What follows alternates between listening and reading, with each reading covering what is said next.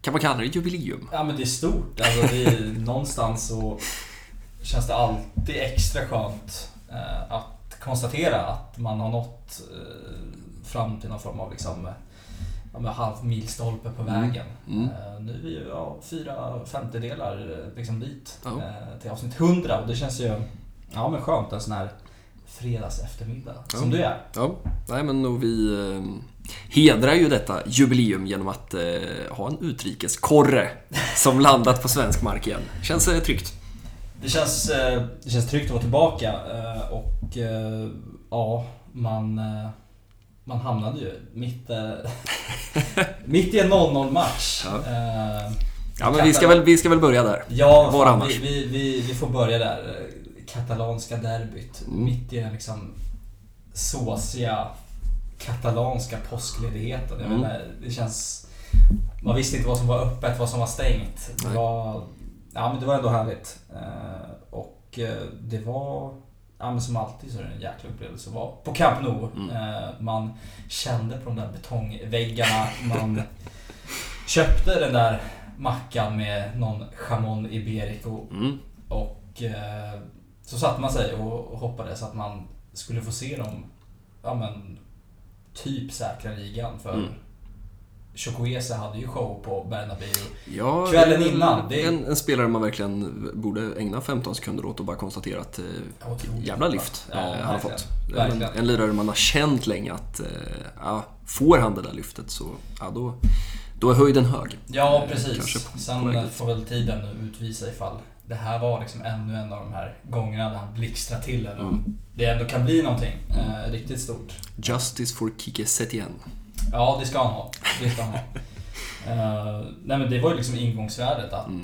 hur liksom 15, eh, man kan gå 15 upp. Man läser i tidningarna, ja okej, går Barca rent nu och Real, ja då kan man ju säkra ligan mot Espanyol. Mm. Det är man ju nä- Ja, äh, ja, gärna. ja, ja, Eh, och eh, ja, någon gubbe på läktaren som sa ja, man kan säkra ligan och så kanske man kan skicka ner dem också. Det var ju liksom... Det lät Konsensus. Som, ja, men det lät ju som liksom allas våta dröm Ja. uppe på läktaren.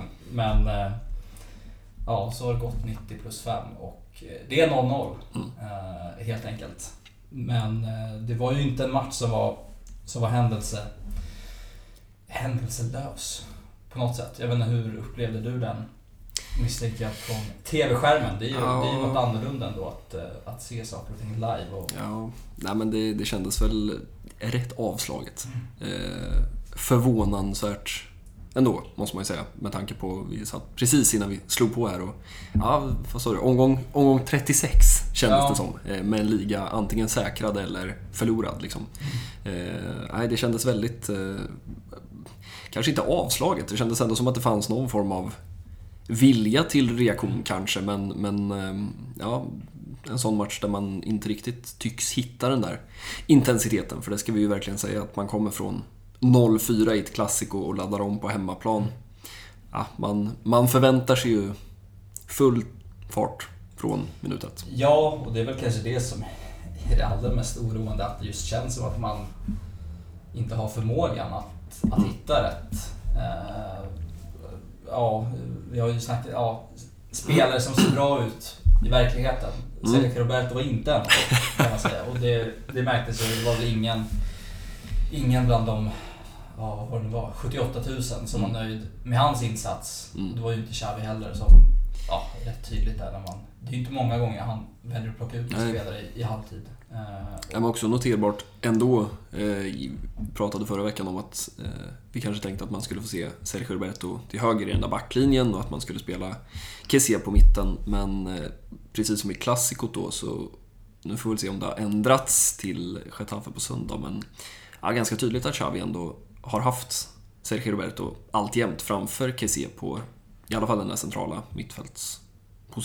Eh, Ja, och det, ja, men det var väl ett uppenbart felbeslut. Det går inte att säga något Nej. annat. Eh, han... Uh, jag vet inte, slog bort passningar. Det kändes som att han var bara överlag allmänt klumpig liksom med Mm. bollen.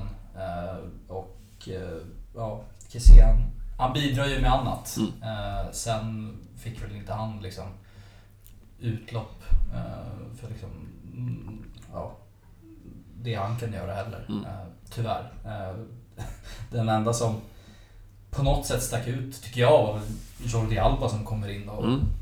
ja, men verkligen men pekar typ med hela handen och sätter de där sista passningarna i straffområdet. Mm. Eh, som tyvärr inte resulterar i någonting. Eh, Nej, man, man lyfte ändå på ögonbrynen när Xavi ska göra sitt sista offensiva drag och, och plockar in Jordi Alba som, som vänsterytter. Ehm, men med det sagt så, ja, jag håller med dig. Han var, han var både pigg och ehm, han hade Ja, men- försök till lösningar i alla fall. Ja, exakt. Han, han kom väl med något konstruktivt Mm. till, till det där bordet. Eh, ja, innan dess Ansu Fati såg ut som Ansu Fati gör. Mm. Uh, Ferran Torres kom ju in och försöker väl med, med det han kan. Mm. Liksom fixa väl någon frispark och sådär. Eh, men eh, ja, i övrigt är det väl eller Lewandowski som ska göra minst ett mål. Mm. Eh, Igen.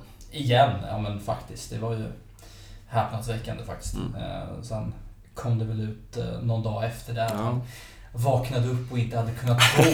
Han, Ja, det var, han, det fick ganska- han fick väl någon, liksom, något knä i ryggslutet där mot, i den där eh, Copa-returen. Ja, mot Militao. Ja. Eh, Ja, nej, han pratar väldigt explicit om... eh, Det, det lät liksom ja, jävligt tufft och pratade väl också om att han, han liksom under ganska stora delar av våren har haft olika typer av krämpor men att han Mm. har eh, spelat ändå och ja, det har väl sett ut som en spelare med krämpor. ja. Får man väl säga. Tyvärr för hans del så har det också märkts på plan. Mm. Men ja, man har ju inte, man har inte någon som kan ta den positionen. Så man är liksom, Xavi är väl tvungen att, att spela honom Mm. oavsett vad i Mm. princip. Mm. Ja, de här experimenten med Ansu Fati och Ferran Torres som nior har ju inte, har inte riktigt fungerat. Eh, för mig eh, till när Kike Setien kom till Camp Nou med sitt... Eh, nej, Kike Set, nej, eh, Jorge Sampaoli måste det ha varit. Med Mm. Sevilla och spelade Ivan Rakitic som falsk nia. Eh, ja, på tal om tränare som eh, kan hitta på både det ena och det andra. Nej men eh, jävla plattfallen då måste man ju säga. Eh, misstänker jag både för folk framför TV-sofforna, folk på Camp Nou men också för laget. Antar jag. Eh, Ja. Man misstänker ju att Xavi har försökt att elda upp dem och det känns väl som att alla tränare i världen skulle göra så att okej boys, eh, nu har vi stått för säsongens kanske sämsta insats, åtminstone säsongens sämsta 45 minuter i andra halvlek i alla fall. Eh, nu har vi en match på Camp Nou mot ett för övrigt väldigt imponerande Girona. Men man, man tänker verkligen att Xavi eh, dramaturgiskt har byggt upp det där och sen eh, ja, får man inte utdelning överhuvudtaget. Eh, så att det ska bli väldigt spännande att se hur man, hur man laddar om nu då inför Getafe, men eh, vi ska återkomma till det. Men, men eh, ett imponerande Girona tyckte jag från, från min position i TV-soffan. Ja, förutom att liksom jag vet inte vad den där backlinjen höll på med. liksom första tio så satt man bara och liksom tänkte att det här rinner väl iväg. Mm. Liksom. Det var väl ja, men nära självmål typ två gånger. Ja, det är väl Santi Bueno, den gamla Ja, Barca B-mittbacken. Gazzaniga liksom Ja. får liksom sp- sprinta mot mål och liksom bara sparka iväg bollen i liksom ren desperation. Mm. Eh, nej men de var liksom väldigt solida. Mm. Ja, men var ett modigt Girona. Det är Ja. det som man, man tar med sig liksom. Verkligen. Och jag är någon som jag kunde se sticka ut så var Oriol Romeo som Mm. jag inte alls trodde... Den gamla fältherren. Ja men som jag inte alls trodde hade liksom de fötterna som han visade Mm. upp. Och han var liksom... Eh, han var väl ingen jävla Busquets men... men liksom stark i duellspel. Det är ju det han, han främst har utmärkt sig av. Mm. Det är ju en fysisk jävla Mm. mittfältare. Det är en Mm. så riktig liksom... O, en sån spelare ska inte komma liksom från La Masia. Det Nej, nej, men det är en härlig... Man tänker liksom hans... eh, Just sådär, var, var fostrad i, i La Masia och sen får man... Ja, vad fan är det? Nästan ett decennium i, Mm. i den engelska fotbollen. Eh, och så kommer man tillbaka till La Liga nu och eh, ja, det, är en, det är en härlig eh, liten blandning av eh, olika liksom, fotbollsidéer och filosofier som kompromeras in i den där, eh, vad han nu kan vara, 1,93 långa. Ja, det är en- reslig karl men, eh, ja, men han var riktigt vass. Mm. Han tycker jag imponerade Mm. jäkligt. Mm. Ja, och eh, ska väl också nämna Arnau Martinez som vi Mm. pratade om inför matchen. Företagsam i eh, vanlig ordning. Vi får väl se om de slantar upp de där 20-25 miljonerna euro det pratas om i sommar. Ja, vi lär väl återkomma till eh, en och annan liksom, något annat silly-rykte. Mm. Eh, ja, och så den vanliga frågan hur allt, hur allt ska gå ihop i slutändan. Eh, men, men det är de stora frågorna. Eh, vi ska väl också prata om den poesi, den poetiska verklighet som, som innebär att eh, Eric Garcia spelar i mittlåset när utrikeskåren sitter där på Camp Nous. Ja, det, det är klart han gör. Och, Nej, Imponerad. Ja, men faktiskt. Han gjorde väl, jag vet inte, sin, ja, men en jäkligt solid insats. Och det är inte många sådana man, man kommer ihåg och som man har liksom minnesbanken. eh, Ja, men det är väl en perfekt liksom, Eric Garcia-match på, Mm. på många sätt. Han är ju han är skicklig när han ska spela bollen med fötterna. Eh, Det är inte många mittbackar, åtminstone i La Liga, som, som sitter på den där foten när han, eh, framförallt de här diagonala krossarna ut på Rafinha oftast. Ja, verkligen. håller ju riktigt hög klass och ja, så länge han inte ställs på några större defensiva prövningar så ja, då funkar det ju rätt bra. Sen är det ju bara problemet att man ska gärna kunna försvara om man är mittback. Ja, så, så är det ju. Han har ju liksom turen att matchbilden var som den var. Mm. Och Eh, att Castellanos eh, väl är anledningen till att Girona återfinns där de är och inte... Ja, de borde, på den- de borde ha gjort 1-0 Ja. liksom. Det, Ja men sett är en... Eh, bara noterade på... på um, eh, återigen, man är dålig på att komma ihåg vem det är som lyfter något på Twitter men, men det handlade i alla fall om eh, anfallarna i La Liga och att det ändå tycks vara någon form av nedgång jämfört med ja, liksom backa bandet 10 år, typ. mm. Eh, och det ligger väl någonting i det där. Alltså, eh, skulle Girona haft en, i och med att Christian Stuani, eh, även om det måste ha varit mäktigt att få se en, eh, Ja, en allsmäktig La Liga, eh, eller spansk fotboll-anfallare komma in på plan. Så ja, han är ju inte yngre än, än vad han är. Och eh, ja, det är klart, hade de haft en, en Raúl de Tomas till exempel i, i full form, form eh, som, som liksom har 15 ligavaljer i sig. Ja, då, då är det inte så långt upp till Europaplatserna istället för att de nu, som väl läget är, liksom snarare tittar neråt och är glada över att de har plockat in de där 6-7 poängen till som gör att de inte, inte är indragna i den där värsta eh, nedflyttningskampen. Även om jag misstänker att de, ja, det där ögat neråt lär ju lär finnas där.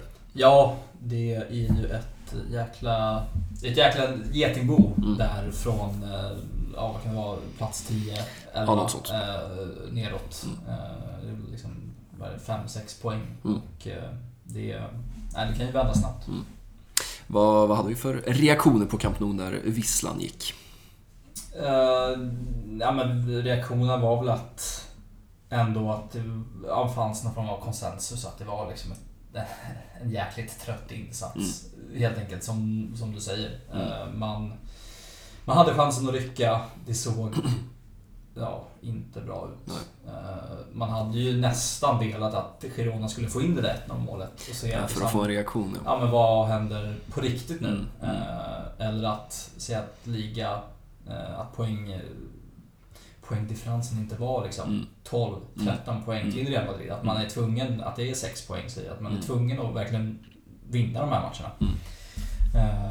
Mm. Så nej men det var en eh, såklart missnöjd eh, Camp Nou-publik som eh, ja, vandrade ut därifrån, ut på mot Les Corts Mm. tunnelbanestation. Ut i måndagsnatten. Ja, verkligen. Ja, nej men det är ju också, det ska man väl komma ihåg. Man, man kan prata om de här 13 poängen, men det ska också sägas att nu blev det ju som det blev i och med att Real Madrid tappade alla tre poängen. Men ja, man har Getafe nu och sen är det Atleti som kommer till Camp Nou helgen därpå och eh, ja, det är klart att Real har det där. Nu kan vi väl i princip våga säga att de kommer spela semifinal också, förmodligen. eh. I Champions League. Så. Så att det, det är klart att det är väl inte omöjligt att det kommer fler Villarreal-insatser från eh, de vita. Det är väl snarare så att det är Atletico man ska se upp för. De har ju haft en helt makalös eh, verkligen- formkurva. Verkligen smugit med. Ja, men träffat rätt på, på alla liksom. punkter. Joao Felix eh, lämnade och plötsligt är omklädningsrummet Mm. guld och gröna skogar. Eh, De har väl två poäng upp till, Ja. till Real Madrid nu, tror jag. Så att det är klart, när de kommer de till Camp Nou när Barca tappat poäng och de tar tre poäng där, ja då är det väl Atleti som ska jaga eh, helt plötsligt. Nej, man är ju tacksam, känns det som, för att eh, det är den 14 april och inte den eh, 14 mars eller för den delen februari med, med liksom den här formkurvan. För det känns... ja, det känns lite pyspunka någonstans på alla fronter. Ja, och eh, man har ju alltid... Xavi var ju inne på det också efter matchen att det var två tappade poäng. Mm. Eh, visst eh, gjorde man väl kanske det som krävdes. I alla fall för att göra ett mål. Mm. Men Ja, för det ska man ju säga, det fanns ju... Det var ju inte så att det saknades chanser Nej, ändå. ja, Eh, Men ja, Lewandowski hade väl två eller tre åtminstone liksom 75-procentiga chanser. Och Ja. som du säger, Araujos eh, satt och på- funderade på vart VAR-bussen var, men nej, den var ju inte över linan. Eh, Nej, det var ju hela, hela Camp Nou-publiken stod och liksom bara väntade på Ja. att han skulle springa ut eller liksom bara signalera att det är mål. Men Mm. eh, det gjorde ju inte den gode Matteo Laos. Eh, Och nej, chanserna fanns ju där. Gavi var ju nära på Mm. slutet också på, på en sen hörna liksom. Mm. Gavi som för övrigt otroligt älskvärd. Mm. Han... Det är ju hans namn folk skanderar. Ja, ja, det gick faktiskt genom rutan en gång. Ja, Eh, Förutom eh, lilla Messi-ropen Ja, där vid ja. den tionde så, så är det Gavi som hyllas i minut eh, 30 och Mm. det har man ju fog för att göra också. Det gäller att hålla koll på vilket tröjnummer han har bara för, för publiken. Det kan bli, Bara i sjätte minuten liksom. Nej, nej, nej, nej, nej. kan bli förvirrande det där. Ja, Ja, nej, men det känns också som en spelare som, som syns live också. Det, jag ja noterade att han avverkade, kom upp sådär i 75 att han hade avverkat 11,6 eller något eh, med Ja, kvar. Så att, eh, Och så fort han i närheten av bollen, så fort det är en duell så blir det ju liksom då, då blir det intressant, då Mm. händer det grejer. Mm. Eh, och det, ja, det gjorde det Mm. i den här matchen också. Jag noterade ytterligare ett sus när Araujo hade sin räd längs med högerkanten. Då kändes det som att ah, Camp Nou gillar när... Ja, men det är ju något fyller med, med de här liksom storväxt, som, som älgar fram Mm. liksom. Eh, och eh, ja, han, det ser ju kantigt ut, Mm. men på något sätt så, så lyckas ja, det, han. det funkar allt som oftast. Ja. Eh, Han tar ju sig förbi. Sen är väl inte slutprodukten alltid den bästa. Det, är- det är väl liksom eh, nedsidan. Jag har ja, liksom inte den mest naturliga liksom, högerspringaren där. Men, ja, nej. Vi måste väl prata lite Ansu Fati också. Eh, jag vet inte hur du upplevde insatsen på, på plats. Vi jag kan väl bara börja med att notera att han då, eh, om man ska prata om de här konkurrenssituationerna som finns, Alba och Balder känns inte så intressant längre. Nu är det väl snarare då Kessie och Roberto, men kanske framförallt då Ferran och, och Ansu Fati, eftersom det blir så tydligt. Det är klart, hade Ferran varit lika bra till vänster som Ansu Fati, det är klart att det gynnar Ansu Fati att det är den där vänsterkanten som är ledig. Mm. Eh, Men, men ändå noterbart att han då återigen får, får chansen från start. eh, Och då före Ferran. Ja, och det får väl tyst på Bori Fati i alla Ja. fall. Att han inte får chansen. För det, det har han ju fått nu. Ja, men det måste nu man ändå säga. Liksom. Ja. Sen, eh, ja, han, vi har ju rabblat det här många, många gånger att Mm. det är ju någonting att Ja men någonting med det där övertänkandet på något sätt. Mm. Eh, Den där naturliga instinkten som ja, men han gjorde sig känd på när han, när han slog igenom. Mm. Den finns liksom inte där längre. Nej. Eh, Och eh, ja, men förhoppningsvis så är den ju inte borta liksom för all evighet. Men eh, det ser ju ut att gå liksom allt närmare mot någon form av, av exit. Om, Ja, det kom väl... Om Barca får välja i alla fall. Ja, men det har väl kommit liksom rapporter som, som tyder på att Barca ändå ska ha, ha gett Jorge Mendes instruktioner att eh, ja, men du kan sondera terrängen och eh, det ska inte vara under 40 miljoner euro. Då, då kan du skita i det. Ja, Eh, och eh, ja, nej, det, det känns väl allt mer eh, tyvärr ändå som att det faktiskt kan bli en försäljning också. Vilket väl var ett perspektiv, jag vet inte om det lyftes redan förra veckan, om vi brände det eller om det var den här veckan. Men man pratar just om det här att, ja men ska man sälja... Eh, Rafinha verkar vara så oerhört uppskattad av både Xavi och- ledar, Mm. hela ledarstaben. Eh, ja men då är det Ansu eller Ferran, eller Abde då ska väl sägas. Eh, som ju också kommer tillbaka i sommar och eh, ja, han gör väl bättre och bättre för varje vecka som går i, i Osasuna. Men, men just att man tittar på Ferran kontra Anso så har man ju fortfarande enorma amorteringar att göra på Ferran-affären. Eh, Medan Anso då som en egen produkt, ja, där kan du plocka in hela summan då i det här eh, ja, ekonomiska mardrömsberget som någon stackars eh, revisor i Katalonien sitter och eh, knappar på. Eh, och det är klart att det spelar in också, antar jag. Ja, Eh, men eh, ja, nej, det känns... eh, Det känns som att allt mer... Eh, sen tror jag väl egentligen inte att man, man vill sälja Ansu Fati. Men det är klart att, ja, det pratas återigen om Gündogan den här veckan. Inigo Martinez ska ju vara helt klar. Och Ja. eh, ja, Messi-tugget har ju inte, det har inte minskat. Nej. Eh, och så ska man ha en Yannick Carrasco såklart och en Vitor Rocco. Man vill ha en högerback och ja, någonstans ska ju pengar in också. Eh, Ja, det är ju lätt att se att det är någon av de där kantspelarna som, Mm. som måste ryka. Eh, Och eh, ja, jag vet inte. Det snackades om att Xavi ja, men kanske till och med ger Jordi Alba chansen från Mm. start Mm. mot Getafe Mm. på den där vänster ja, det hade, det hade varit ett tecken. Och det är, Ehm, det är ju liksom, ja, det är, det är ju klara besked får Mm. man ju lugnt säga. Mm. Ja men det känns väl, sen, om man bara lägger det, det ekonomiska och, och den biten åt sidan så, så känns det väl som, precis som vi kanske för ja, ett par, tre, fyra veckor sedan pratade om att ja, men här, den här våren kommer att bli, bli liksom avgörande för Ansu Fatis framtid. Överlag så känns det väl nu snarare som att de här sista, vad det nu är, tio matcherna drygt, eh, ja, kommer att någonstans avgöra Ansu Fatis inställning till framtiden i Barcelona. Eh, det är klart att, ja, men som du säger, blir det Jordi Alba från start nu i helgen eh, skulle det bli så att ja, men, de här minuterna som han ändå får, även om det inte går att prata om det här som någon slags kontinuitet på riktigt, men, men skulle de här minuterna bli ännu mindre under de här sista matcherna, ja då kanske vi går in i en sommar där både, för det är ju ingen tvekan om att Jorge Mendes vill att Ansu Fati ska röra på sig. Kanske har vi också en Ansu Fati som ändå känner att ja, det börjar ändå bli dags. Och, det är tydligt att hans läger i alla fall inte ser det som en Nej, men verkligen.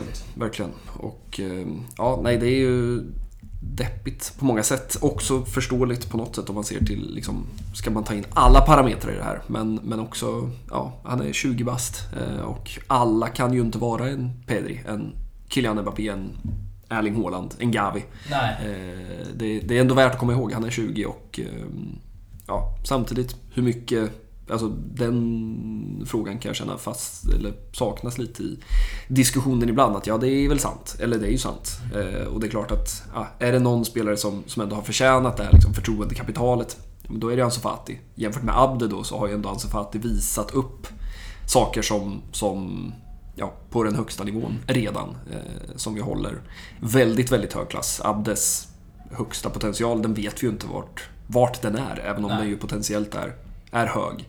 Eh, men samtidigt, ja men nästa säsong, det, det kommer ju bli en liknande säsong. Alltså det är ju inte längre ett Barca där du kan spela en Sofati från start i 38 ligamatcher. Så länge han inte levererar. Och det kommer han ju inte göra från början. Så att, ja, på tal om att han, som, som du inledde det här med, att liksom, ah, Förr så var allt så naturligt, det kom så naturligt. Jag vet att vi satt här och pratade om, ja men det är en spelare som, som är momentum. Hela hans spel bygger på momentum. Och det är klart, ja, då kanske också en spelare som i större mån än andra bygger på kontinuitet. Och det kommer han ju inte få i höst, eller nästa säsong heller. Nej. Från början, då har jag oerhört svårt att tro att Nej. man skulle gå in i nästa säsong med Ja, om man inte skulle hänga liksom 15 bollar på försäsongen. Men, men ja, ja, det är svårare och svårare att se. Ja, och det är väl lite där jag landar också. Att man pratar ju både ja, med Xavi och hela ledningen att det här är en trupp under liksom, byggnation. Mm. Eh, man, har, man faller i kuppen som man gör. Man faller ut ur Europa. Visst, man tar ligan. Mm. Men det är en trupp som kommer och ska bli bättre. Mm. Och då har man ju liksom inte råd att sitta med spelare på så men, avgörande positioner eh, som inte levererar, som tar upp platser på, på bänken. Mm. Eh, Ja, och som framförallt är värda potentiella övergångssummor. ja, Eh, Så. Det, det, det finns ju inte så många. Alltså det är väl Ansu Fati, Ferran Torres. I någon mån, även om han liksom har visat andra saker, så är väl Andreas Christensen också en sån spelare som, som det känns som att ja, men skulle det komma in ett bud som är väldigt, väldigt bra. Då skulle han också kunna vara en sån Då man spelare tacka som... för, ja, för en bra säsong och liksom... Tyvärr. Alltså, Ja, så. tyvärr. Eh, det, det, det finns liksom inte, och Abde är väl också en liknande Mm. som Nico Gonzales. Eh, nu verkar det väl som att Trincao också, eh, om jag förstod rätt, jag läste något från Mm. Romano här bara precis innan eh, vi slog på här. Ja, att, det ja, men det verkar ändå som att Sporting, ja, redan från början om jag förstod saken rätt, hade den här eh, typ obligatoriska optionen. Jag misstänker att det har med liksom prestation över den här säsongen att göra. Mm. Men, men förutom det så Ja, det är ju snarare sådana spelare som liksom Busquets, Jordi Alba, Frenkie de Jong, Ter Stegen där man försöker reducera löner. Och så har man ju de spelarna som, som man inte kan sälja. Eh, alltså en Ronald Araujo, en Balde, en Pedri, en Gavi. Eh, och sen, ja, det finns liksom inte så mycket annat potentiellt säljmaterial att, Nej. att utnyttja. Och eh, ja, då eh, riskerar man ju att behöva ta den här typen av eh, beslut. Eh, Nu blev det långt, jag vet inte, vill du säga något mer om Ansu Fatis eh, insats i måndags? Nej, men det var väl... eh, Det var ju mycket av det som vi har sett under den här säsongen. Mm. De, de lätta grejerna blir så svåra att, Mm. att utföra. Han hade väl ganska tidigt ett väldigt bra avslutsläge Mm. liksom mitt framför mål Mm. vid ja, straffområdeslinjen. Mm. Det, ja, upp på, på andra etage liksom. Mm. Det, det, det är liksom det är krampaktigt. Mm. Eh, Och det, det syns. Det var ändå en, en tung kväll för Rafinha ska vi väl också säga. Eh, på den där andra kanten. Ja, skillnaden där är väl att han på något sätt...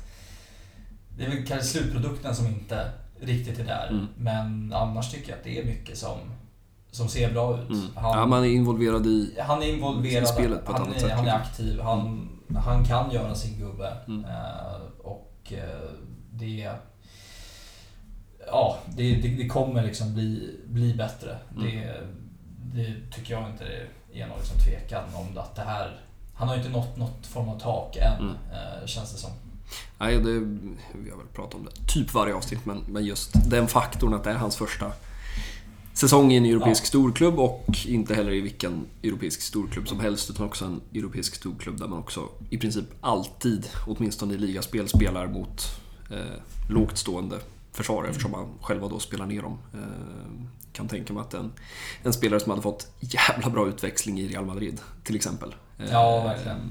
Men eh, ja, nej. Eh, som sagt, återigen. Eh, det är väl en spelare som... Ja, det börjar ju pratas såklart efter ja, men, typ en sån klassiko-insats. Eh, återigen, och förstår man sakerna rätt så ska det ju finnas klubbar i England som ja, men ska vara villiga och, och åtminstone betala igen den där summan eh, i sommar. Men, men eh, Ja, ja, det låter ju som att, att Xavi och gänget eh, säger nej. Ja, det är väl Chelsea som fortfarande ska vara intresserade som man snuvade på den där Mm. Rafinha-värvningen Mm. förra sommaren. Och de, eh, ja de vet vi ju, de har ju råd att, att slänga liksom hur många pengacheckar som helst. Och- skriva ett kontrakt till 2036. Men Ja. alltså. Eh, Så så, eh, nej men det verkar ju som att, också som att han vill vara kvar. Mm. Eh, och det är väl det viktigaste. Men också en sista liksom, grej från den matchen innan jag glömmer är hur otroligt jäkla överlägsen Alejandro Balde är på den där vänsterkanten. Mm. Eh, en mot en så är det ju ingen som kan matcha honom. Nej. Eh, I alla fall på, på den nivån. Mm. Eh, det är- blir så otroligt tydligt att han ja, men kommer förbi gång på gång. Mm. Och det är väl också där, det där sista, det där inspelet, den där Mm. sista.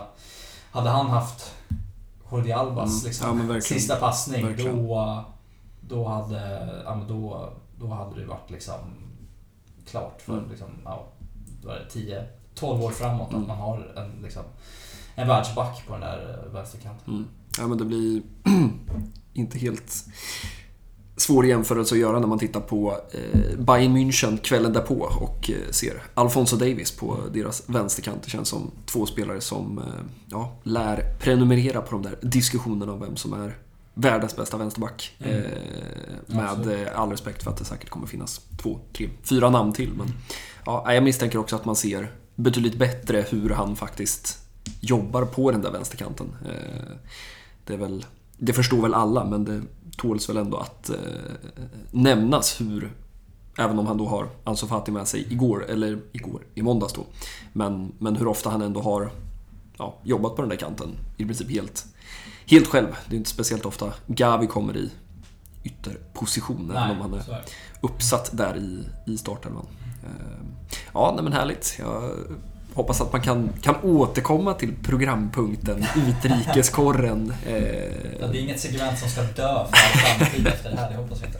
Nej, eh, vi får väl se om det blir från Montjuich eh, eller från Camp Nou eh, nästa gång. Om det är ett Camp Nou med eh, byggställningar eller om de kommer att eh, få klart det där. Det känns som att eh, den eh, katalanska byggindustrin finns det mycket att säga om eh, som vi inte ska ägna en halvtimme åt eh, just nu. Nej men eh, fan, deppig eh, afton ändå. Det är väl någonstans där man får, får stänga Girona hemma-boken. Men också bara hoppas att man får se dem nästa säsong också, måste jag säga. Eh, Om jag många gånger har sagt att eh, jag inte hade gråtit floder om Cadiz åker ur. Eh, Nej, så så- eh, hade det varit lite tyngre om Girona åkte ur, eh, måste jag ändå säga. Ett popgäng man eh, uppskattar. Och Verkligen. eh, här har vi en perfekt brygga. Från popgäng till vadå? Det är svårt att kategorisera Getafe som popgäng. Ja. Eller kanske popgäng utifrån något slags... Ah, den där säsongen där de slutar...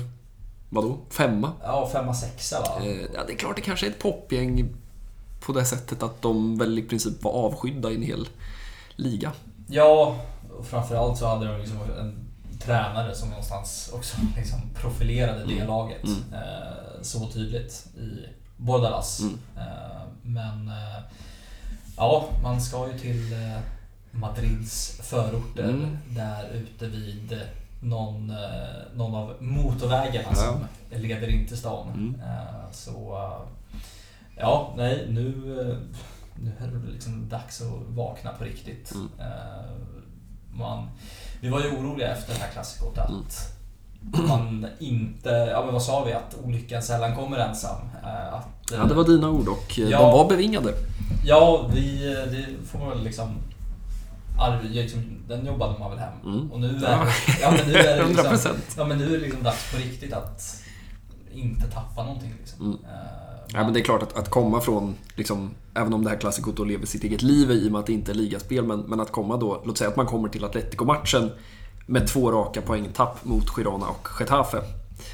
Ja, det sätter ju den matchen i centrum på ett ganska obehagligt sätt. Ja, och liksom säga att man har tre matcher utan att göra ett enda mål. Mm. För nu har man gått och liksom mållösa på Camp Nou Mm. i 180 minuter. Mm. Eh, Det är inte ofta det händer. Nej, det är värt att uppmärksamma. Eh, tyvärr, får man väl ändå säga.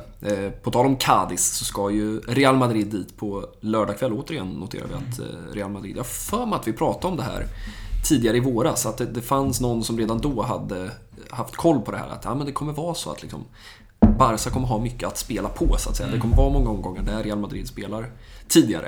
Eh, nu är det såklart för att de spelade i Eh, vad blir det? Ja, i onsdags. Det måste det väl. Ja. Så att eh, det är klart att det blir tufft. Tufft för dem att, och så spelar de väl på tisdag igen. Så att Mm. det är väl lördag som, som blir den uppenbara speldagen för dem. Eh, Men Cadiz borta det åker man ju inte heller bara och, och samlar poäng uppenbarligen. De vet ju hur man, hur man möter ett storlag. De har ju dräpt både Real och Barca eh, flera gånger. Det är väl Barcas eh, facit mot Cadiz var väl fullständigt häpnadsväckande inför den, Ja, den här säsongen. Tre Har nog- matcher utan seger. Ja, en jävligt deppig Koman-match kommer jag ihåg på Camp Ja. Nou där man funderade på vad det var som pågick. Om man tyckte att Girona hemma var deppig så var väl, eh, jag tror det var Cadiz hemma. Ja, alltså det, det måste var varit hösten 21 liksom. Tomma läktare typ och en, eh, var det, Alex Fernandes Ja, bror med Nacho va? ja I han det. Ja, eh, Jösses. det är jag rätt säker på att han är. Eh, inte ett dugg lik. Eh, men han, Nej. han slog väl in någon, någon straff liksom. Och så var det, var det Redå. Ja, nej det är ett jävla... Det är väl, det är väl Cadiz och Getafe som någonstans ja, identifierar de något mer brittiska öarna-liknande lagen i La Liga. Eh, den Ja, här de säsongen. Det är väl något. Ja, något, något gäng till. Ja, men vi får väl se vad, vad man går in med för, för ingångsvärden till, eh, till den här Getafe-matchen på, på söndag då. Men, men åtminstone potentiellt då att kunna hålla de här 13 poängen då. Eh, även utgångsläget. Och eh, ja, man åker ju inte till Alfonso Pérez heller och, och plockar hem tre pinnar bara sådär. Eh, framförallt inte mot ett Getafe som vi väl sa för ja, 25 minuter sedan. De är ju ja, de är inte under det där strecket men eh, det är ju ett gäng som måste kämpa för alla poäng den här våren. Ja, och ett gäng som kan prestera, som kan vara så här jäkla jobbiga mm. när allting stämmer. Mm. Ja, men de har en, en trupp som ju håller hög. Alltså det är ju klar övre halvan. Ja. Eh, ska man väl kanske inte säga, för man kan säga de väldigt många lag i, i La Liga, känns det som. Men, men liksom, det är ju inte ett gäng som ska åka ur eh, La Liga. Alltså, med eh, Ynal och Majoral och allas vår egen Carles Alenya, Monir. Peremia, alltså det är ju många... Ja men det är många spelare som, jag menar Porto, Gené och Soria, Stabilimo, alltså det är ju ett... Det är en bra La Liga-trupp liksom. Eh, som ju inte ska spela Segunda, så mycket kan man väl säga. Eh, och också ett lag som ja, kan göra det kan göra livet svårt för de allra flesta lag i, i ligan, framförallt på, på hemmagräs. Så att, eh, det, är, det är klart att man kommer, få, man kommer få jobba för att eh, plocka med de där tre poängen tillbaka ut i öst. Ja, verkligen. Och vi, eh, det är väl ingen hemlighet vilka spelare det är som saknas. Och eh, det var väl något form av, någon form av målsättning att både Pedri och Dembélé skulle vara mm. tillbaka till den här matchen mm. borta mot Getafe. Men nu är det ja, två dagar innan avspark och man har inte hört ett pip. Nej, och man har inte sett dem i, i, i träningsvideos heller. Nej. Eh, det, det har gått lite inflation i de där medierapporteringarna. Dels är det liksom så här, ja, vem, vem var det egentligen eh, liksom Javi Miguel som pratade om Gündogan och vad, vad sa Gerard Romero om? Mm. Det, det, är så man brukar tänka, men nu är det så här, vem var det egentligen som sa att Dembélé skulle vara tillbaka? Det, det har ju varit en liksom följetong just med den här kvartetten då ju, som det har blivit sen ja, vad är det, ett par veckor tillbaka i alla fall. Med ja, Dembélé, Pedri, Christensen och eh, Frenkie de Jong. Ja, och det, här är väl liksom ytterligare liksom ett jävla huvudbry som man sitter på att... Vad pratas om? Ja, fyra veckor out. De mm. fyra veckorna Ja, det är nästan ja, två, jag, två månader som, alltså, som man saknar i alla fall Pedri. Liksom. Mm. Eh, och... Ja, men det är väl lite samma med Dembélé. Där, ja. där är man väl kanske mindre överraskad, tyvärr. Men eh, det är ju inte första gången som man och den har ju bytts ut flera gånger den här läkar... Eller den medicinska staben som det ju så fint, fint heter. Eh, men... Eh, ja. Då tog man väl tillbaka den här ja, Doktor Prona som, eh, som var under, under Pep Guardiola mm. under storhetstiden. Mm. Honom ville Xabi ha tillbaka och det var någon form av liksom headhunting. Mm. Han pekade på honom och sa han vill jag ha. Mm. Men nej, jag vet inte vad det är. Det är, det är absolut ett stort, stort frågetecken kring hur man har liksom löst det där. Mm. Jag läste någonting om, det var, det var just mot Girona borta som Dembélé gick sönder. Mm. ja, det stämmer. Kan ja. vara sent under hösten till och med. Eh, frågan om det var före eller efter jul alltså. Ja. Det säger en del om att man... ja, det var en lång säsong. Fy fan. Men, äh, jag vet inte vad... Ja, men vet, det var en löpning mot Arnaud Martinez där man verkligen såg, en klassisk så, där drar han den liksom. Ja. Man såg det tidigt. Den har han gjort många gånger. Ja. Kommer jag aldrig glömma. Det var väl en av hans första skador. Om man liksom, om vi drar, liksom knyter ihop säcken med Getafe också. Mm. Borta där när han ska göra någon fint och man ser hur det bara hugger tag i mm. det där låret. Mm. Och eh, sen var han väl borta i tre, fyra, fem månader liksom. Ja, nej, det är, eh, det är sköra muskler på den gode Osmane. Ja, men det, det går ju... Alltså det är ju inget konstigt att man sätter ett frågetecken. Eh, just för att det blir så oerhört tydligt nu när man har... Ja, det är en sak om det är en spelare, det är klart att det kan hända saker i en, i en rehabprocess. Eh, man är ju inte... Ja, det är ju inte, det är inte orimligt att man liksom plockar in Ansu Fati i den här diskussionen också. Mm. Med tanke på vad han har blivit eller hur hans rehabperioder har sett ut flera gånger om. Och dessutom med det här beslutet som han ju tog. Alltså, skulle han operera? Skulle han inte operera? Skulle han göra mer liksom, konservativ behandling med det där knät? Alltså, det känns ja. ju alltid som liksom, liksom 10 000 kronors frågan. Mm. Och där var man ju också med Araujo när Mm. han eh, Ja, men just det. liksom ville spela ett VM. Mm. Ja, det värsta, det värsta exemplet är väl Samuel Umtiti. ja. Eh, som väl valde det där VM-guldet, får man väl säga, någonstans.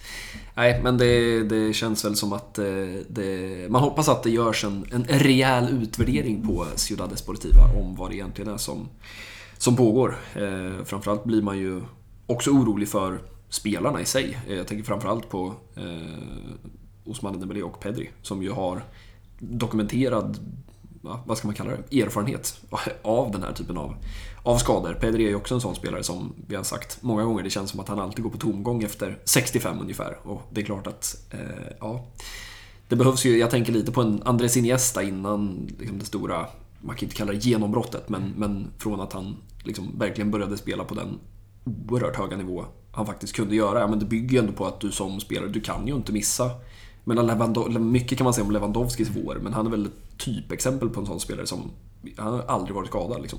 Och tittar man på de stora spelarna, ja, det är ju ingen hemlighet att, att det är de som klarar av att spela. Jag menar, du kan inte vara Osman Dembélé. Och eh, jag noterade att de pratade om Anthony Martial i, i studion igår om eh, i Ja, vi ska väl ändå nämna att Sevilla sprattlade till på Old Trafford och är eh, skulle inte förvåna mig, nu klarar de väl det där La Liga-kontraktet, men det hade känts väldigt seviljanskt att eh, vinna Europa League och åka ur La Liga samma säsong. Vi gnuggar ju fortfarande att det ska vara ja, det hade varit poesi på något sätt. Ja, men det är ju svårt att vara Pedri och, och liksom, man vet att Osman Dembélé är väl liksom case lost sedan länge, men, men just en sån som Pedri som är så pass ung också, där man tänker att eh, ja, men, är det en spelare som ska missa en tredjedel av matcherna varje säsong, det går ju inte riktigt att bygga ett lag kring en sån spelare. Nej, där får man ju bara hoppas att ah, någon form av liksom mognadsfaktor också Mm. kanske kan liksom vävas in i liksom diskussionen. Mm. Eh, Ja, och sen ska man, det är klart att om vi pratar Pedri så måste vi såklart nämna den ofattbara debutsäsongen han fick. Eh, när han väl i princip spelade liksom augusti till augusti och avslutade där med ett OS. Ja, men han spelar, han spelar väl typ 73 Det matcher. var Och helt galet. jag vet inte, det känns som att någon borde ha dragit den där jävla handbromsen. Verkligen. Någonstans liksom. Verkligen. Nej, det är ofattbart på alla plan. Eh, ja, nej, men det, det är ju ändå värt att lägga fem minuter på att, eh, att ändå eh, syna det där. För att det är ju Ja, det är oerhört problematiskt. Alltså det är ju, man behöver ju inte vara konspirationsteoretiker för att påstå att det är det här som har i mångt och mycket avgjort den här våren. Det är klart att man kommer in i, i den här våren med ett så pass stort inte försprång, men ett så pass stort poängkapital i La Liga så att man ändå har, och man har också haft stora marginaler med sig i princip hela våren. Eh, och det kan man väl också säga på tal om Girona-matchen att, jag menar, hade den varit i januari, ja, men då, då hade ju den där Araujo-nicken, eller avslutet var det väl till och med, Mm. ja, eh, då hade den varit över mållinjen och så hade man vunnit med 1-0. Mm. Eh, ja, på Camp Nou, eh, i ligan, ja men Asensio är offside och så gör Kessie det där målet. Ja, hade det varit nu, ja, då hade ju Asensio gjort det där målet. Så Det har ju varit en vår där man har haft Ja, vi är väl ingen, inga XG-experter någon av oss, men, men det känns som att eh, skulle man slå ut det där över hela säsongen så, eh, ja, bortsett från Champions League kanske, så, så känns det som att man ligger Ja, man har fått lite mer än vad man har förtjänat och kanske förtjänar man allt. Jag menar, det är väl så man vinner ligatitlar. Mm. Eh, känns det som att den största ligavinnarmålet fortfarande är eh, Rafinhas nick uppe i Pamplona mot Osasuna kanske. Men det har ju funnits misstänkande när vi tittar tillbaka på säsongen i, ja vad blir det, juni antar jag. Eh, och ska göra någon slags bokslut förhoppningsvis med en La Liga-titel så ja, det känns som att vi kommer kunna hitta ganska många sådana där mål som man tänker att ja, det är sådär man vinner en liga. Ja, herregud. Det är bara att tänka på liksom Atletic Club borta. Ja. Liksom, att det slutar med tre poäng. Det är väl ja, Rafinha som gör det där målet. Men Mm. framförallt att eh, Bilbao får sitt mål bortdömt Mm. i slutet. Mm. Och sen är det väl veckan efter som det är det där klassikot. Och Ja. säg att man tappar, hade tappat poäng i den matchen. Och också tappat poäng i klassikot. Mm. Att det blir 2-1 Real Mm. till exempel. Mm. Eh, då... Ja, nej, men det, man tycker att 13 poäng är mycket så, men eh, man inser ju att eh, ja, nej, det går ju det går fort eh, när det går åt fel håll. Jag vet inte om vi ska säga någonting om, om elvor. Du har pratat lite Jordi Alba, men, men annars så känns det väl...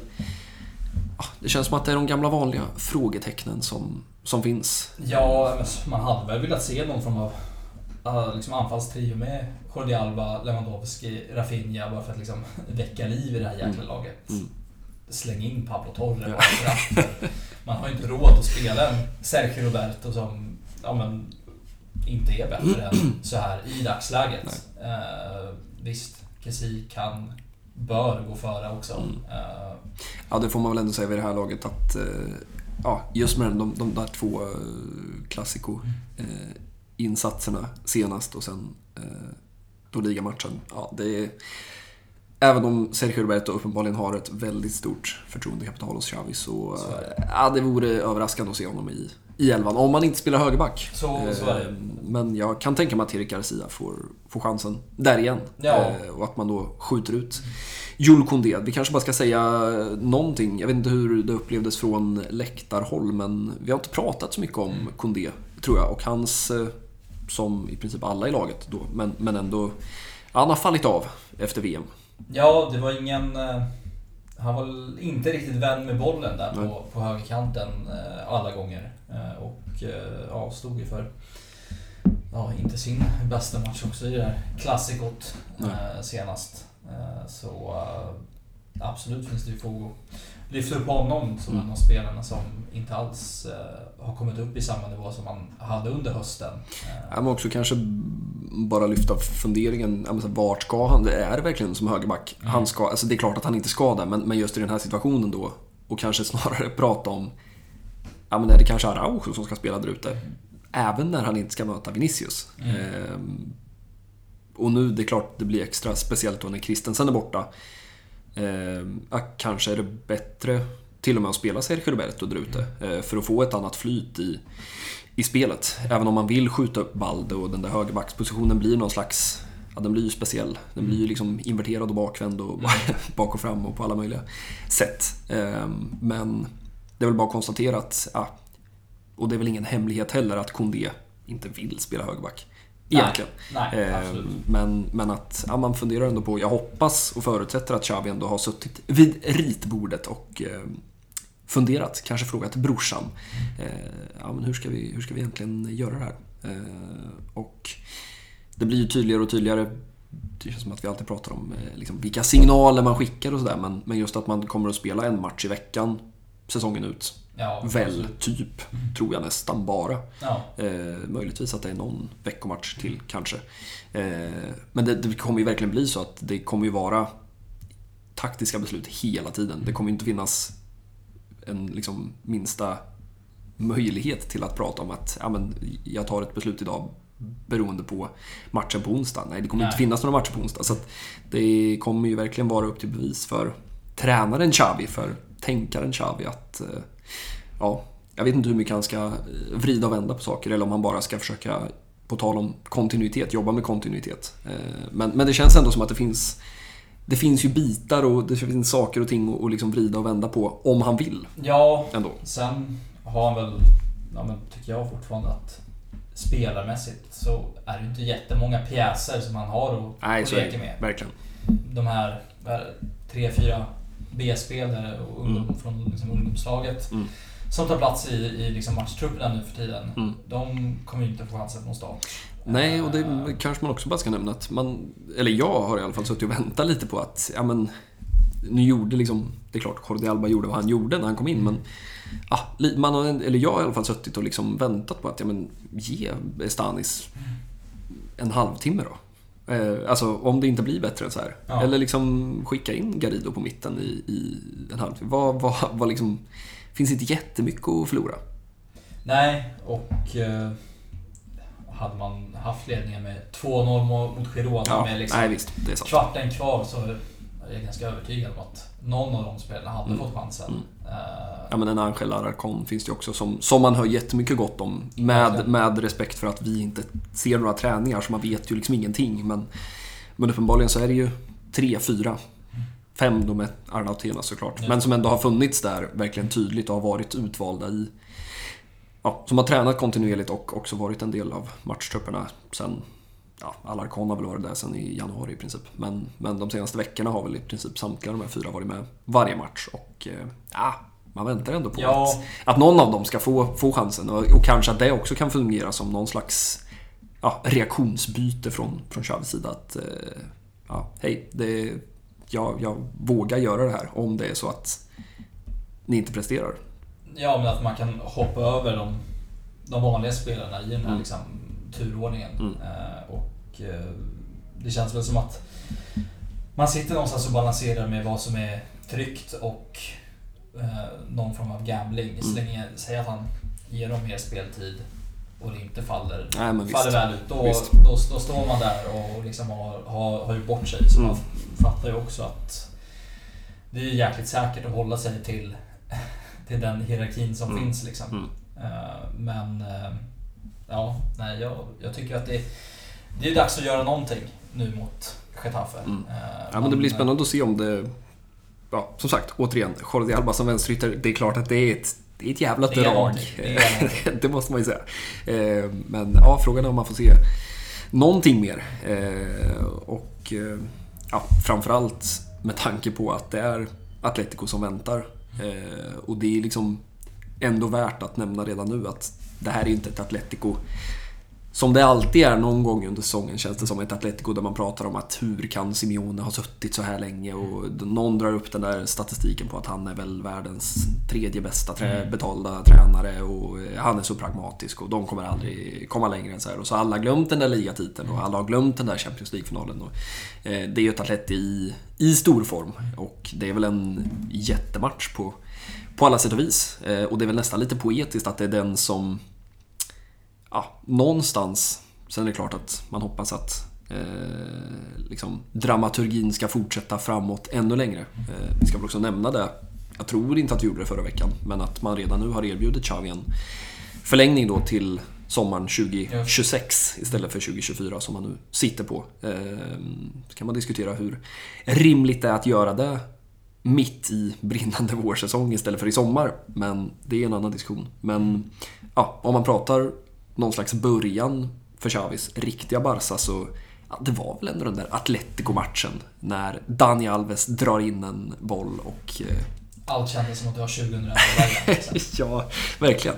Ja, men det, det känns lite, lite poetiskt ändå att man nu ändå ska ja, säga att man tar trea mot Getafe och att man tar en trea mot Ja, men då är ju ligatiteln klar och, och då är väl nästa liksom, stege på Xavis eh, tränar eh, Sejour-tränar-era i Barca eh, på gång. Jo, verkligen. Det- Men det, det är ju en... Ja, det kommer bli en jävla match på, på alla sätt och vis. Eh, Ett Atleti som ju inte heller har något Europaspel. Det är ett Atleti som med all säkerhet ser den där matchen som ja, en prestigematch eh, ja, till verkligen. 100%. Så att, eh, ja, det kommer, kommer smälla. Eh, Två pragmatiska motståndare i rad. Ja, och man... Jag skulle vara glad att det är en sån här stor match. Mm. Eh, och fan bara hoppas att, att man får se en effekt redan nu i helgen. Men Mm. man kan ju inte uppträda som man har gjort de senaste veckorna mot Atletico Madrid. Mm. För då, då kommer man straffas. Ja, det kommer bli en lång, lång kväll. Eh, känns också väldigt tacksamt att matchen är på Camp Nou och inte på Wanda. Det hade känts ganska tungt att åka in till, till eh, Wanda istället för Alfonso Perez. Med all respekt för, eh, ja, på tal om motorvägsarenor då. Ja, fan, Wanda... Det är väl motorvägsarenornas motorvägsarena. Ja, den eh, ligger väl där inklämd mellan liksom, flygplatsen och Mm. stadskärnan någonstans. Mm. Eh, Nej, det är rimligt att Madrid-gänget kommer ut till, eh, till Katalonien. Vi ska väl bara, eh, om vi är klara, har vi något mer att säga om Getafe-matchen? Nej, egentligen inte. Det var, ja, men hoppas på, på förändring är väl någonstans det, det jag tar med mig. Ja, men då tre pinnar vore ju Det det vore, vore klädsamt. Eh, vän av ordning skulle kalla det ett måste. Eh, vi ska väl bara eh, pitcha tänkte jag säga, men det är väl fel ord, men bara eh, ja, be alla att skriva in måndag 11.00 i kalendern. Eh, för då ska han stå framför podiet, oklart var. Eh, om man kör en sån Camp Nous gräsmatta-konferens eller om man står i liksom. Ja, eller om man står i det här klassiska eh, konferensrummet där på, på Camp Nou. Eh, Johan Laporta framför mikrofonen och ja, det, det är väl fel uttryck att säga att han liksom tar bindern från munnen. Eh, är det någonting som någonsin har pratats om mer i förväg än Caso Negreira? Tror Nej, det, det måste vara jäkligt länge sedan eh, då. Eh, nej, men det här är väl eh, någon form, det känns som någon form av D-day. Mm. Att nu får vi se vad de har liksom skrapat ihop under mm. Hur länge har det här pågått? Ja, det är, vi ska säga att Johan Laporta ska hålla en presskonferens där han ska då för första gången formellt i Barca eh, media då. Eh, ja. Eller vad ska man säga, genom Barca kommunikation mm. och inte genom andra eh, medieuttalanden kommentera Calzone Negreira. Nej men jag vet inte, det är ju ett antal veckor. Ja, och det här kommer ju inte heller markera slutet på, på hela sagan. Men det, det kommer ju skrivas X antal spaltmeter mm. om den här presskonferensen. Mm. och ja, men vad han får fram, det... Ja, men som, man undrar ju varför, för bara om vi bara pratar liksom antalet veckor sen det började kommuniceras att, och då hette det ju någonstans att i början, i mitten av april kommer mm. Laporta. Alltså, det känns ändå som att det finns en anledning till att, jag vet inte om man har beställt någon form av utredning eller om man har haft några uppgifter. Men det måste ju finnas någon anledning till att man gör det nu. Eh, eftersom det har dröjt så länge. Ja, för det har ju inte varit i Barsas intresse att liksom vänta på att någonstans Nej, svar på tal. Nej. Utan bara låta eh, ja, men det här, liksom, ja, men så här fläcka klubbmärket. Mm. Vilket jag har gjort eh, såklart. Eh, så ja, det är ruggigt spännande. Det är en av liksom, få presskonferenser där man får sitta och liksom uppdatera sidan ja. Eh, inför för vad ska säga. Ja, det är väl Kataloniens egen Janno Bojan PK. Ja, men det, på något vis. Ja, lite så. Eh, Uppåt till 12 kanske. Eh, det blir också spännande att se vilka, vilka kort han kommer att spela. Jag menar, det känns ofattbart att han skulle gå igenom den här, vad det nu blir, kvarten, halvtimmen, utan att nämna Javier Tebas. Nej, verkligen. Liksom vilka, vilka punches kommer han att dela ut? Ska väl bara notera att all den här medie... Det, det har ju svalnat, måste man ju ändå säga. Eh, men jag noterade så sent som igår att eh, det kom uppgifter om att Tebas ska ha fått betalt från Mallorca för någon slags eh, ja, typ konsultverksamhet. Ja, men någon form av liknande som man misstänker att ja, men, Negreira typ hela så. fallet bygger på. Liksom. Typ så. Men i det här fallet handlar det då om värvningar, vad jag förstår. Någon form av scout rapporter då. Ja, eh, det ska ha varit under hans tid som ja, exakt. vicepresident. Exakt, därav eh, jävsituationen då. Liksom. Eh, så att, ja, vart slutar det här? Det finns liksom också alldeles för många pampar att välja på. Ja. Liksom, vem kör vi den här? Ja, nu kör vi Rubiales.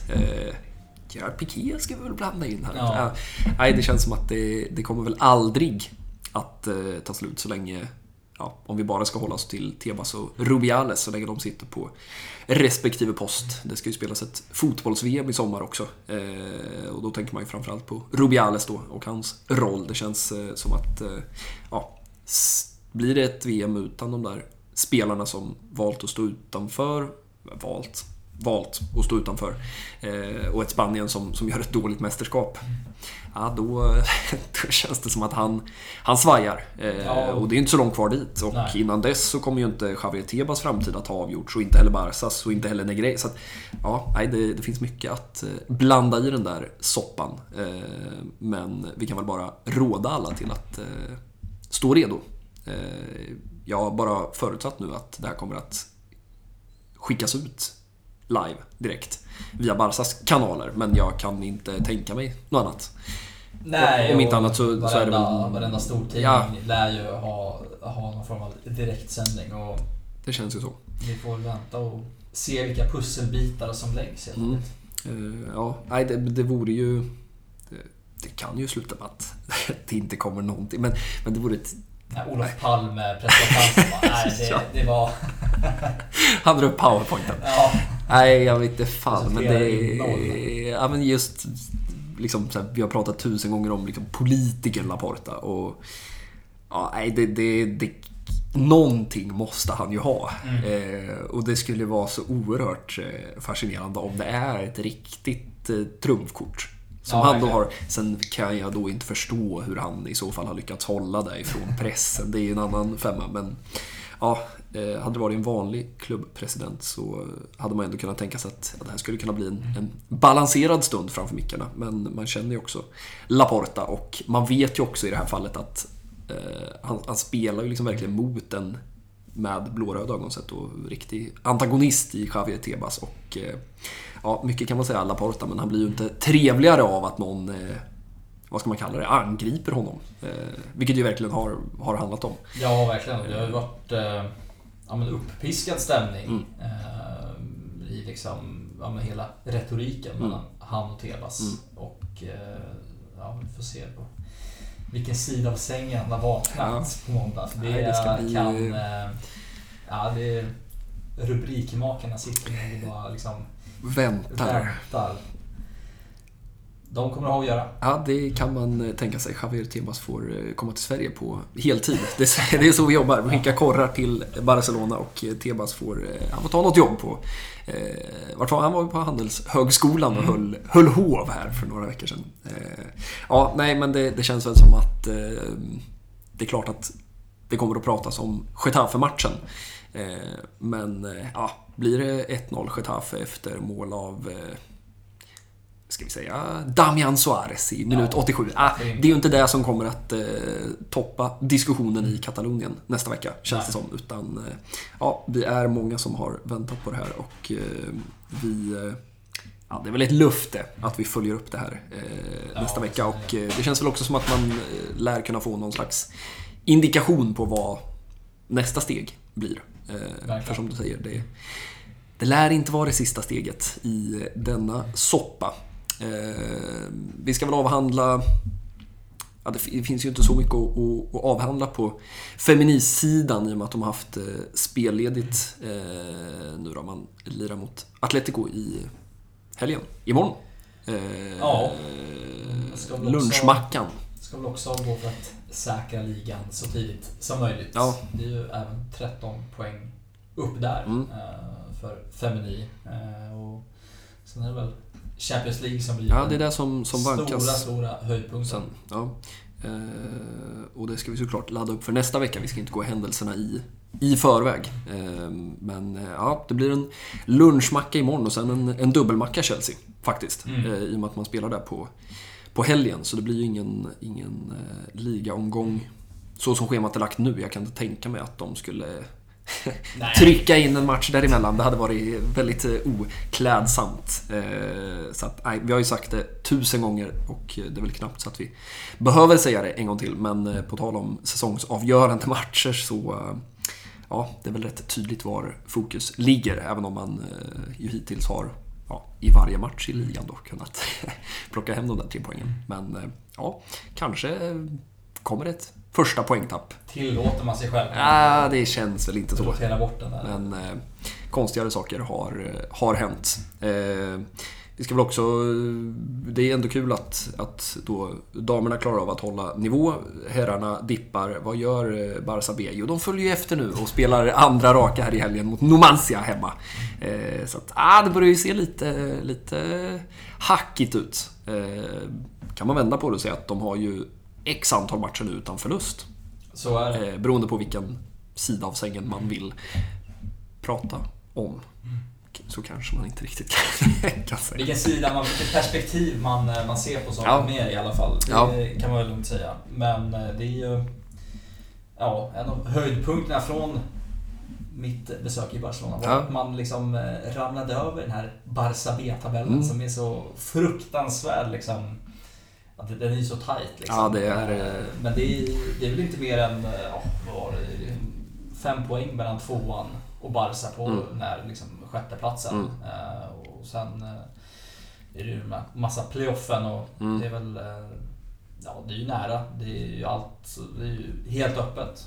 Ja, det, det har väl i alla fall hamnat i den eh, situ- situationen att man hade blivit ganska besviken nu om de inte hade Ja, tagit den där playoffplatsen, vilket man verkligen inte trodde i höstas. Rafa Marquez har styrt upp saker och ting med, med tidens gång. Eh, men eh, ja, de spelar också en match i, i veckan så att vi kommer ju ja, det skulle ju inte alls förvåna mig om det finns ett antal lag som kan liksom göra upp om ett antal platser ja, när man går in i sista omgången. Eh, det, det, känns ju fullt möjligt. Vi får se om, om åldern spelar in då när det ska spelas avgörande matcher i ja, frågan om de också. De hinner väl inte in i juni kanske i och med att de ska ha tid att spela alla dessa playoff-matcher. Var det i Mundo eller i Sport eller vart var det du fick din Barça B-kolumn? Uh, oj, nej, det måste vara ja, men, sportsidorna i eh, El País. Oh. Ja, ja mm. det, är, det, är imponerande. Fick man, eh, man fick gå långt ner på, på, på sidan för att leta upp eh, liksom, den spanska, vad blir det, tredje... Ja, trean är, de är så jävla många liksom. också. Jag tror det är fyra eller fem. Trots att de ju liksom gjorde om allt det där för ja om det var förra sommaren. Det har inte varit lätt att eh, hänga med i alla dessa... Det är inte lätt, mest lättnavigerade serier. Nej, det, det döpte väl om det nu till...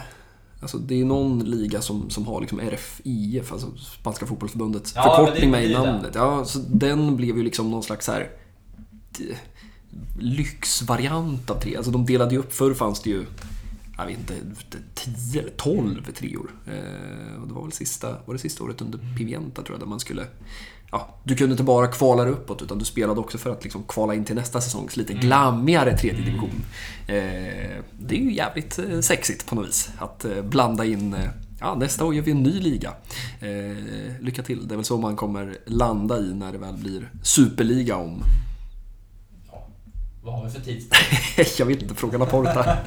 och Perez och Tebas. Ja, får de välja så är det väl liksom pang på nästa säsong. Liksom. Ja, det är väl det som, som kan eh, rädda den där eh, heliga treenigheten som ska respe eh, respektera, representera spansk fotboll i, i Europa. Även om Atletico Madrid säger väl hej där också. Jag vet inte, det är väl dit man ska vända sig kanske. Eh, och börja hänga med Diego Simeone istället för Carlo Ancelotti och eh, Florentino Perez och eh, grabbarna. Ja, nej, det är mycket alltså. Det är...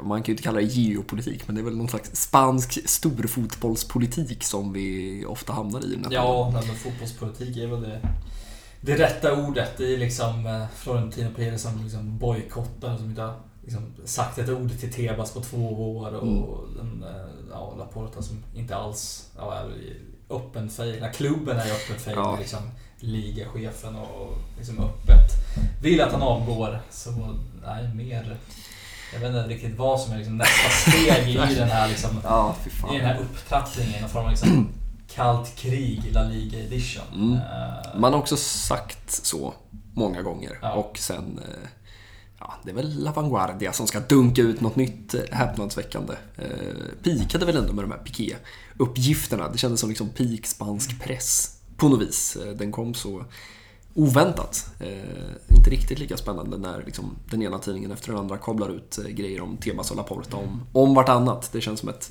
förväntat krig, men den där Ja, den där Piqué-morgonen kommer man inte glömma i, i första taget. Det har väl inte, inte han heller gjort. Ehm, men det är väl, det är väl de hållpunkterna vi har eh, nästa vecka. Eh, mm. Och framförallt då helgen. Lunchmacka på lördag och sen den fina, fina avsparkstiden söndag 16.15. Som man vet att det kommer vara grått i Madrid också den dagen. Det känns alltid som att eh, ja, men Camp Nou-kvällar, det ska vara natt och liksom, det här liksom elljuset mm. över, över arenan. Och spelar man borta mot Getafe då är det grått och mm. mulet som, eh, som bara den. Ja, man vet inte riktigt vad som är moln och vad som är avgaser. Liksom. Nej. det, är, det är vackert. Det är också en del av, av La Liga. Eh, och såklart då, måndag klockan 11.00 så eh, ratta in på beroende på om ni vill finansiera Barcelonas eh, webbtrafik på hemsidan mm. eller om ni föredrar Sport, Mundo, El Pais, La Vanguardia, Marca. Marca. Eh, listan, listan kan ja. göras lång. Eh, det lär finnas eh, gott om utrymme för att eh, kika på Laporta och glöm inte att eh, alla dessa stackars Twittersidor som ska försöka översätta dessa spanska uttryck ibland trampar snett. så att läs på många olika håll. Det var väl ungefär det. Ja, ungefär... eh, Ja, det var inte lite vi hann med. Eh, Och eh, ja, men vi utlovar väl en liksom full omgång, en form av helhetsanalys av Laportas framträdande Mm. nästa vecka. Ja, men är det något vi jobbar med i den här podden så är det väl uppföljningar. Det får man ta med fan ge oss. Ehm, vi måste väl ändå också bara, eller det, det är ju din grej, men du har ju breakat Dan. Breakat done. Ja, men jag försökte ju liksom ja, men luska i det där. Mm. Men eh, jag vet inte fan vad man kom fram till. Det, det är svårjobbat. Det är, Ja, men det, är ett, det är ett bildbevis i alla fall. det är ett bildbevis. Jag har aldrig känt något liknande inför en bild, tror jag.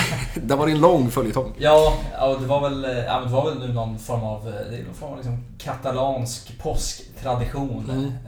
med liksom enorma, liksom, här groteska bakelser med liksom chokladägg stora som någon form av vattenmelon. Mm. Eh, med ja, men Dan som, som är där i all sin prakt. Ja. Eh, Ja, både Xavi och eh, Nuria är ju ganska duktiga på att eh, lägga ut både det ena och det andra. Det är fan maskerader här och det ja, det är är eh, någon, något de kan så är det det. Ofta, ofta extra komiskt i samband med eh, att typ Real Madrid spelar en eh, söndagkväll och eh, Barca har spelat tidigare. Ja, då är Xavi ute på festligheter.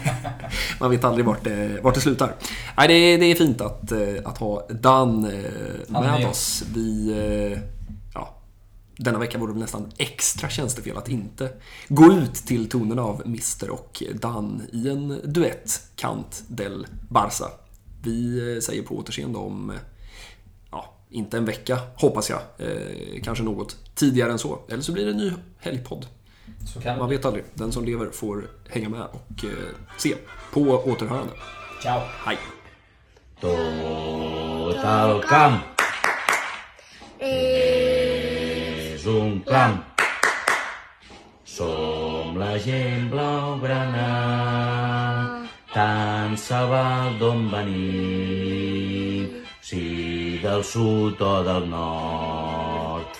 Ara estem d'acord, estem d'acord, una bandera ens agermana, blau, gran al vent, un crit valent. Ara, tenim. Barça! Barça! Barça!